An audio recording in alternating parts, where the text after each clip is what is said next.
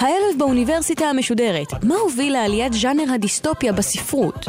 במאה ה-19 ובראשית המאה ה-20, על רקע האמונה בקדמה וברציונליות של האדם, ובהשפעתן של האידאות הסוציאליסטיות, האוטופיה הפכה לאחד מהביטויים האופייניים של התקופה, ולז'אנר ספרותי שמטרתו היא חוץ ספרותית, לגייס בני אדם למשימות פוליטיות ממשיות.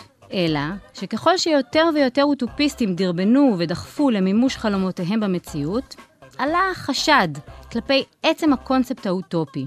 הוגים רבים הוטרדו לא מכך שלא ניתן להגשים את החזונות האוטופיים, אלא ההפך, דווקא מכך שהמימוש של האוטופיה הלכה למעשה עשוי להביא לדיכוי ולברבריות חדשים. החזון האוטופי כמעט בהכרח מוליך לאלימות, שכן האוטופיסט נזקק לאמצעים כוחניים ורודניים כדי לכפות את רעיונותיו על אלה שלא מקבלים אותם. אפשר להבין מדוע נכתבו מעט מאוד אוטופיות מאז המחצית השנייה של המאה ה-20. ההיסטוריה שלנו הפכה את האמונה באוטופיה לכמעט בלתי נגישה.